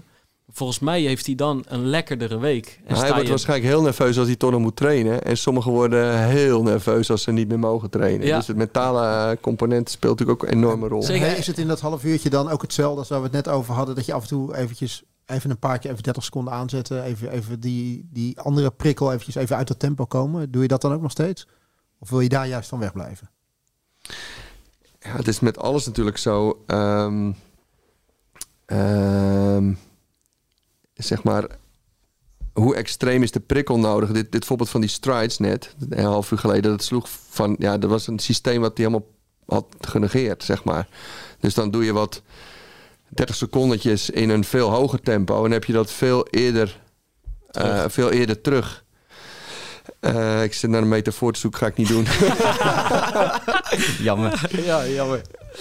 Eh, dus ja, ik zie nou een verf voor me. Nee, nee, nee, nee, je moet een beetje rood erbij om het, blauw, om het paars te maken. Zeg maar. Maar hoeveel rood gooi je erbij? Ja, ja, kan het niet laten. Nee, maar... ehm ja, dat zo werkt mijn brein helaas. Maar... eh, Die, die metafoor, zeg maar, het verlangen naar een metafoor is gewoon sterker dan de wil van Ja. Guido zelf. Gewoon. Dit is gewoon een fetishism ja, voor ja, mij. het is een Ja. fetish. Ja, Een metafoor fetish. ja, maar, de, ja, maar dat Erik is heel praktisch. Die wil het gewoon Ik weten. wil gewoon horen, ja precies. Ja, alleen eh, ik zou rond het... Ik zou eh, afbouwen en onderhouden van rond het wedstrijdtempo. Dus ik zou kleine doseringen Alleen wat is diegene gewend? Maar mijn laatste training zou dan op woensdag gewoon zijn t- twee keer twee kilometer rond het wedstrijdtempo. Nee, Eh, heb, ik, heb ik toen voor mijn 228 heb ik dat op woensdag gedaan. Ja, bijvoorbeeld om nog even te fine-tunen en goal pace te voelen. En je hebt niks te zoeken bij die drie minuten per kilometer. Ja, en dan, ik moest even naar een goed antwoord zoeken. Kijk, er zijn allerlei trucs om spierspanning te reguleren. Dus als je, het, ehm, dus, ehm, als je te veel spierspanning hebt, dan moet je gewoon heel lang en rustig gaan lopen eh, op gras. Dan gaat je spierspanning echt slecht van. Dan moet je, dan moet je maar eens aan Femke of Lieke vragen. Als je geen spierspanning wil hebben, dan laat je ze lang eh, joggen. Een paar dagen voor de race. En dan zijn die het helemaal kwijt. Eh, wil je spierspanning snel, eh, dat weten we allemaal, aan de andere kant spierspanning eh oppimpen, zeg maar. Ja, dan doe je natuurlijk een hoop bounce, kaatsen, skipping, asfalt, harde, harde sprintjes. Dus dat zijn wel de knoppen waar je aan kan draaien. Maar als het goed is, kom je in die laatste week niet meer op het punt van veel te veel spierspanning. En dan moet ik helemaal eh, downgraden. Of veel te weinig spierspanning. Ik moet nu flink aan de sprints, want mijn spierspanning is weg. Maar je kan wel in een. Dus dat is, als het goed is, is dat geregeld en onderhoud je dat gewoon. En eh, hoef je niet meer twee dagen voor de wedstrijd te denken: hé, hey, mijn benen zijn slap. Ja, als dat veel te slap is, dan zou ik uit mijn toolbox wel. ehm, ja, dan, dan heb je dat wel heel snel terug met een paar van die strides. Ja. Maar in de, in de tapering zou ik gewoon dat onderhouden. En ja, en, Maar en zijn er tien strides En, of en, twee en strides? heel soms, voordat mensen denken ik heb slappe benen, kan dat ook nog eens met een beetje koolhydraten stapelen zijn. Dus dat is wel een Vocht, beetje een ja. gevaar. Hoe, zag, je- hoe zag jouw laatste week voor, voor een marathon eruit? Dus nou goed ja, ehm, eigenlijk zoals Guido omschreef. Dus eh, iets wat, wat minder volume, maar wel allemaal in dezelfde intensiteiten. Dus eh, wij deden dan nog wel op woensdag of donderdag, eh, of in Nederland of in Central Park, nog wat rond het marathon tempo. Misschien nog een heel klein beetje richting mijn halve marathon intensiteit. Maar wel natuurlijk veel kortere blokken. Weet je dat nog, die laatste donderdag in Central Park, voordat je 16 in New York werd? Ja, dat weet ik nog wel. Of wat het programma was. Je vloog daar in Ik ieder geval. dacht 3-2-1 of zo, denk ik nog een keer. Of 2-1. Drie, Nee, nou twee ga- kilometer. Ja. Heel veel mensen aanmoedigen, dat is ook, hè, weet je dat nog? Ja, dat ging ook hard. ging ook uh, knijterhard. Ja. En wi- wist je toen dat het goed zat? Of dacht je, oeh, hij gaat knijterhard? Ja, maar dat is het ook. Kijk, hij is wel zo fit en getraind. Hij verneukt het niet eh, op die donderdag. Ja. Je blijft wel binnen een bandbreedte met je dosering. Het was een training van een uurtje of zo. Een half uur, eh, volgens mij progressief inlopen. Korte warming-up. En uh, hij liep ook wel heel laag tegen de drie minuten per kilometer. Heel makkelijk. En Maar en ik, en ik voel dat aan. Weet je, wel. ik ben gewoon helemaal ready aan het raken. Dus ik kom in een hele gemoedstoestand al. eh, dat, dat die wedstrijd eraan komt. Ja, ik, ga, ik ga ook niet meer testen of zo. Hè. Het is niet van, oh, dit nog even voelen of dit. Het gaat allemaal heel, heel eh, automatisch. Het is er al. Je ziet het al. De, eigenlijk is het al... Uh... Daarom is het ook onderhouden eigenlijk. Het, is, letterlijk is het onderhouden. Van het werk zit erop. En wat je het enige is, je doet onderhouden. En mentaal ready raken richting uh, die day. En dat is... En, en als je dan lekker in, in die flow komt van... Uh, ik ben aan het uitrusten en ik doe mijn laadprotocol. En in mijn geval, ik ga naar de persconferentie. En we bespreken de wedstrijd door. Het zijn allemaal elementen. Benen scheren. Benen scheren. Uh, Startlijst doornemen. Letterlijk, letterlijk, ja, uh, is dat, ja dat, dat, dat soort dingen zorgen ervoor dat je in een, in een goede gemoedstoestand richting de wedstrijd toeleeft. En dan, ja, dan, dan, dan is het vooral bezig blijven. En, en ja, ik deed bijvoorbeeld dan de dag van tevoren uh, een duurloop met strides. Maar dat doe ik altijd, omdat ik dat, dat fijn vind. Dus het is ook niet ineens dat ik dat dan deed om spanning nee, op mijn benen te houden. Het is een soort wedstrijdroutine ja, eigenlijk. Het, is, het zijn routines. Ja. En uh, ja, het is echt, de training zit er echt wel op. Je moet gewoon geen, geen stomme dingen meer uh, doen. Maar als vader Fred mee was geweest en die had gezegd van mij er niet mee lastig met zo'n training in Central Park. Ah, die training is dan veel te hoge dosering voor, voor, voor iemand van zijn kaliber. Maar ik denk dat ik er wel voor open sta, zou staan in het maatwerk. Dat hij zegt, weet je, ik blijf veel plezier jullie. Ik zwaai jullie uit. Ik neem er nog eentje. En, uh, ik neem nog een roze koek. Ja, en hij doet het altijd. Dan ga ik niet zeggen, dat moet je, dat moet je gaan veranderen. Behalve, sommigen slaan door. Maar dan moet je ook de mensen kennen die gaan of nog te veel doen. Of ik durf nu niks meer te doen. Dus ik, ja, maar kun je niet een beetje de middenweg zoeken daarin? Nou, dat het, is het, het, het is afwijkend gedrag, zeg maar. Ja. Dus als het, als het belangrijk gaat worden en die marathon komt dichterbij. Als Fred altijd dit, dit, dit ding doet. En, eh, en dat is altijd het hetzelfde. het dat, afwijkend gedrag, maar nu niet meer. Inmiddels is het Je hebt ook wel eens een en eh, al vier keer benen geschoren, bij wijze van spreken. ja, precies. Dus het is, het is als, als echt... het- Zo'n marathon is natuurlijk echt rete spannend. eh, voor iedereen, voor elke recreant. En het wordt pas echt raar als mensen allemaal andere dingen gaan eh, Ja, doen maar, het is wel, maar het is wel sterk logisch. Ik weet dat ik voor mijn eerste marathon ooit gewoon de hele week vrij nam van tevoren. Ja. Ja, Weet je, er zo mee bezig was. En ook eh, rusten en maar proberen. En, doe- en je bent er zo mee bezig. En nog een keer visualiseren, Ja, en- weer kijken. Ja, precies. Of En- kon dat toen nog niet? Ja, ja, ja, ja. Nee, nee, nee, dat kon nog niet zo zien. Het scheelt weer. 85. Dat scheelt weinig. Dat ging er gewoon niet. Maar je gaat daar gedurende de tijd wel anders mee om. En dan wordt het meer een week zoals jij dat eh, zegt. Weet je, Ja. eventjes even het half uurtje loslopen. Even een paar keer even aanzetten. Of inderdaad eventjes een kilometertje in het marathontempo. Waar je, eh, dit voelt comfortabel zonder dat het tot het vermoeidheid leidt. We zitten optimum. Een week vrij nemen. Je kan ook zes weken vrij nemen. Ja, Ja, nee, je kan maar- ook, de- ja. ja. je kan ook, Maar weet je, maar het is gewoon als je de eerste keer loopt. Weet je, dan, Ja. dan draait het, weet je, je bent Ja. er zo mee bezig. Dan draait het toch alleen maar daarom. Je Ja. wil niks liever dan Ja. die week Ja. vrij nemen. Ik- En dan, weet je het- kan er nergens meer anders aan dat je naar denken. die expo kan, was eerst dat nummer op te halen. Ja. En daar vooral lekker met je rond te blijven hangen en te Ja. doen. En, eh, ja. En, en alle kranten te lezen Ja. en voorbeschouwingen en noem maar op allemaal. Dat, dat is toch iets waar heel veel mensen, denk ik, op die manier in, eh, in, in opgaan. En mega enthousiast zijn. En daar soms ook wel een beetje een foutje in, eh, in maken. We, we waren eh, van de week drie dagen Papendal. Je hebt daar hotelkamers ook. Dus wij hadden ons trainingskamp daar, daar gehouden. En toen zaten we volgens mij, of het was ontbijten of het was avondeten, zat ik tegenover Gozer van Pak. En die zei, ja, maar ik weet toch, weet je wel, ik nam het allemaal inderdaad te serieus. Ik was, te, ik was het allemaal te groot aan het maken. Dit keer ga ik gewoon echt wel relaxter eh, die marathon in en beleven. Toen zei toen was ik zo aan het bekijken van, ga ik dat ook doen? En toen heb ik gezegd van, ja, ik relativeer heel mijn leven, maar niet de marathon van Rotterdam. Ja, ja, ja, ja, ja. Maar dat is ook een beetje wie ik ben. Ik vind het, eh, eh, het, het gaat mega spannend worden, maar dat het zo groot is, ja, ja, ik ga dat niet kleiner proberen te maken of zo. Ja, jij hebt mij toen volgens mij drie minuten voor die start toen nog gezien.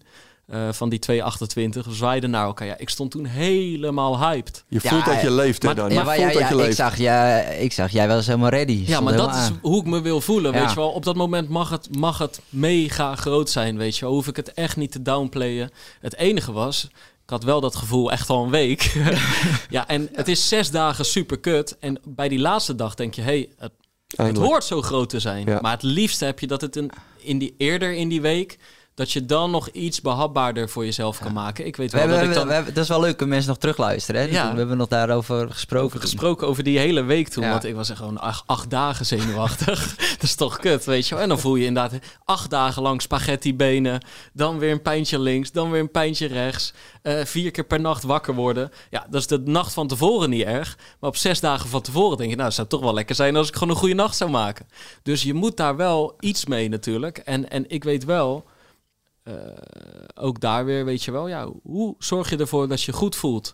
En ik heb toen op een gegeven moment in die week eh, ook een keer mijn klokkie gewoon thuis gelaten tijdens het lopen. Je kan wel zeggen, ja, doe de dingen die je altijd doet. Je kan hem ook aftapen, hè? Ja, maar als, je gewoon het gevoel hebt van, ja, ik zit naar mijn hartslag te kijken, ik zit naar mijn klok te kijken, maar ik zie andere waarden. Maar volgens mij heeft het gewoon met spanning te maken en omdat mijn glycogeenvoorraad nu wat hoger ligt. Ja, dan kan je wel heel druk gaan maken over die data, maar die race gaat niet meer veranderen. Die gaat gewoon op zondag worden gehouden. Dus doe de dingen waardoor je nou, door die spannende route heen Ja, mensen manoeuvreert gaan op ook een goede manier. Dus die gaan dan nog de, de data van dat duurloopje bekijken met andere duurloopjes. eh, weet je wel. Dat, Ja. is natuurlijk, dat is natuurlijk ja, niks menselijks is ons vreemd. En kijk, we zitten nu op 3,5 week van tevoren. Maar gewoon zorg dat je fit blijft. Ja, zorg dat je een goed, gevoel goed gevoel... Ja, precies. Maar, je ja, erover Maar je kan gewoon leuk. zeggen, hoe je het doet, doe je het. Dat is individueel. Maar zorg dat je in dat startvak staat en dan klaar bent. Met de juiste eh, emotionele toestand. Met het juiste vertrouwen. Met de juiste eh, frisheid. En inderdaad, eh, hoe je dat doet. Eh, Maar het is juist belangrijk om het nu te bespreken, Erik. Want we kunnen deze aflevering Ja, maar hè, we- met dit gespreksthema wel twee dagen van tevoren eruit gaan gooien. Maar dan gaan mensen nog wikken, wegen, we gaan ze we- andere we dingen doen. Shit, ik heb het we verkeerd-. We Juist. gaan het nog verder bespreken. Hè? want We krijgen Ook nog. nog ervaren mensen in deze podcast. Ook die nog. dat al allemaal keer op keer hebben gedaan. Ja. En allemaal op een eigen manier volgens mij mee om zijn. Die het Eh, nu aan anderen laten. Die laat het, nu aan, die laat het zeker nu aan anderen. Ja. Maar daar heel ervaren in zijn. Dus het is, het is niet het laatste moment dat we hier de komende week over, eh, over zullen hebben, denk ik. Nee, nee. Maar het is een goeie. Hoe je het doet, doe je het. Maar zorg dat je ready bent. Ja, Maar we zijn wel eigenlijk, we hebben het niet besproken, het hoeft ook nog niet besproken te worden, maar we zijn later in de week natuurlijk wel benieuwd hoe die twee weken zeg maar, van jou, die jullie dadelijk gaan bespreken, hoe die eruit, eh, hoe die eruit gaan zien. Gaan we natuurlijk op je Strava zien. Je bent niet net als Mathieu van der Poel dat hij, eh, dat hij zijn Strava dichtgooit. Ik neem maar dat hij gewoon open blijft staan de komende weken. Een en al transparantie. Ja, nee, dat is toch wel, eh, dat is wel belangrijk. We, Ja. gaan, het- we, gaan het, eh, we, gaan het zien hoe je die komende, die komende weken door gaat, gaat komen. Want ik ben, er, ik ben er benieuwd naar. Het vertrouwen is terug. wij geloven Ja. niet in, eh dat ma- maakten we vroeger altijd wel grapjes over, Michel en ik. Van, je had dan eh atleten of tegenstanders of co- collega's, moet je zeggen. Zeggen, ja, ik weet niet, ik had gewoon eh, het startvak voelt al. Dit was niet mijn dag. Weet je, of ik had eh, ja, de, de zware benen op die dag. Nou, dat is, dan heb je iets niet goed gedaan. Je, je moet gewoon wel... eh, en nou ja, of... was het maar zo simpel, hè? Maar de goeie hebben dit vaker, die krijgen dat kunstje vaker voor elkaar dan de, en daar gaat het gewoon om. Kijk, weet je wat ook belangrijk is? Die coaches die rust uit blijven stralen. Weet je wat? Maar, maar, en, maar, maar, en dit maakt het ook zo mooi, weet je wel. Het, het is een kunstje. Het is, het is Ja. een soort ambacht. En het is een soort on- ontzettend moeilijk te leggen puzzel. Maar daarom vinden we het zo mooi. Ja. Weet je wel, als die marathon eh, drie kilometer had geduurd... en je mocht er zo lang over doen als dat we allemaal eh, wilden... ja, dan was het niet zo spannend geweest. Maar dan hadden we het ook niet zo groot gemaakt. En het verschil tussen eh, op jouw niveau drie minuten snel of drie minuten langzaam is voor jou het gevoel tussen succes of geen succes. En dat is natuurlijk, eh, ja, en uitlopen is weer wat anders. Dus Ja. dit, dat is natuurlijk wel eh, is NK natuurlijk. Ook nog? Ja. Beetje druk en Pim houdt van druk. Dus, Ja. dus dat is ook. eh, Pim begint te glimmen als je het over dat soort dingen hebt. Dus Ja. De- de- ik word hier gewoon... door die podcast heb ik mezelf een beetje leren kennen. En door het lopen trouwens ook. Maar ook door die podcast. je, hoe vaak ik wel niet gehoord heb dat ik een gevoelsmens ben. Inmiddels ben ik er wel achter. Gevoelsmens en zondagskind. Ergens daartussen. Maar, maar af en toe raakt hij op het verkeerde pad. En dan heb ik weer anderen nodig om me weer... eh, Nou ja. Ja, maar dan zie je, dan worden er op, gewoon, worden er op zaterdagavonden, zonder dat jij daar, dat, daar weet van hebt, wordt, word je toch weer, eh, wordt je weer besproken. Ja. ja. Wordt erover nagedacht. Een karakterschets. daar Flink nou- wat geroddel. hoe daar nou mee omgegaan moet, eh, moet worden. Ja. Ja. Maar eh, eh, ja, e- één ding, weet je wel. 16 april is een zondag. Kijk, dat komt niet verkeerd Nee. uit voor een zondagskind. Nee, zeker niet. zeker niet. Zeker niet. Zeker niet. Ja. maar mooi dat je zoveel eh, plezier weer hebt. Ja, heerlijk. Ja, nee, maar dat, eh, want dat, dat vond ik oprecht jammer. Ja, ik bedoel, eh ehm na Maasluis, je- het is bijna alsof je een soort klik, zo van, en nou gaan we de marathon-specifieke fase in. En ja, ik ben een liefhebber. Ik keek naar die trainingen uit. Dan is het echt best wel jammer als je alleen van die stroeve hobbelloopjes van 8 en 10 kilometer aan het doen eh, bent. Je, Moet liever je nog ga je- fietsen ook? ja, liever, ja, precies. moet, je, moet je nog op een zadel gaan zitten ook. Het liefste. En, en ondertussen, ik heb gewoon Strava geopend. Ik heb kudo's gegeven. Ik heb die gasten ondersteund. Eh, eh, ik, werd, ik werd niet op een rare manier misgunnen en jaloers. Maar je, je had gewoon zo graag met je vrienden vier keer vijf kilometer gelopen. Een duurloop van 35. Ik bedoel, daar had ik zin in. Zijn we nou weer eh, de verkeerde spiraal aan het opzoeken? Nee hoor, nee, Nee. ik wil het Nee, gewoon we even... zitten net, eh, we hadden, nee, maar- had ik maar, dat heb ik allemaal niet kunnen doen. Nee, nee, maar, maar nu zijn we weer echt aan het genieten. Ja, precies, Weet je wel? precies. Ja. Zie je met een dikke smile? Kijk. Ja, Ja, ja, ja. oh, rond. Rond. Het gevoelsmens is er weer. Hij is er weer. Hij is weer terug. Nou, zie je waar zo'n podcast allemaal niet goed voor is. Ja, is eh, gewoon therapie dit. Ik wilde zeggen, uiteindelijk heb zit hier geen- maar voor één man. Ik heb- om hem weer op de rit te Nou krijgen. ja, in de Nee, end hebben Michel en ik gewoon ook uh, zo tien over acht op station Ik Kastriken wil met de trein. We maken wat mee, treinkaartje Ja. kopen, koffie Ja, over wat- ons heen, wat eh, zwart rijden. eerste klas, tweede klas. En eh, we zitten dan eh, en we hebben een leuke dag en we hebben een mooie podcast en we gaan weer naar huis. Je Wie, ziet, wie het heeft... vier keer nodig zeg maar, om de, überhaupt de podcast op te kunnen starten. Ja, Maar kijk, nou krijg je wel... Ja, dan krijg je ja, wie, Het is, jammer dat, het is jammer dat er nu geen beelden bij zijn. wie, heeft een psycholoog nodig als je vier hardloopcoaches hebt? Ja, weet je wel? waar. Ja. Ja. ja buitensporten in de natuur is gewoon gezond. Ja. Nou, lijken me Het is een mooie woorden om voor mee het leven, het hardlopen. Ik had er nog geen één gehoord vandaag. Ik denk dat jij ook een goede volkszanger zou zijn. Zo. Ja. Dat zou ook wel... eh, Dankjewel mannen. Tot de volgende. En eh, aan alle lopers, luisteraars, deelnemers. Het komt eraan. Nog 3,5 week. Blijf luisteren. Blijf lopen. En tot de volgende Pacer. Dit is de gevreesde zoemer die na 60 seconden pitchen afgaat. Lukt het startende ondernemers om binnen deze tijd hun businessidee uit te leggen aan een vakkundige jury? Welkom op de stip. Ben je er klaar voor om jouw pitch te gaan geven? As ready as can be, ja. Ik ben er klaar voor. Denk het wel. Ik, Fabienne de Vries, neem jou mee in Droomstart. Die klok maakt je wel zenuwachtig. Een unieke podcastserie van de ondernemer waarin we ambitieuze Nederlanders volgen bij het starten van hun eigen onderneming. Ik kan me niet voorstellen dat iemand hier komt, ik ben beter dan Google. Maar wat ik wel weet, is dat zij het niet doen. En jij bent erbij. Vanaf die eerste spannende pitch tot aan de meest cruciale momenten van hun weg naar succes. Ik heb nooit geleerd om te zeggen van, eh, oh, ik ben het waard. Volg Droomstart in je favoriete podcast-app en mis niets van dit unieke kijkje achter de schermen. Droomstart is een initiatief van de ondernemer en podcastbureau As We Speak.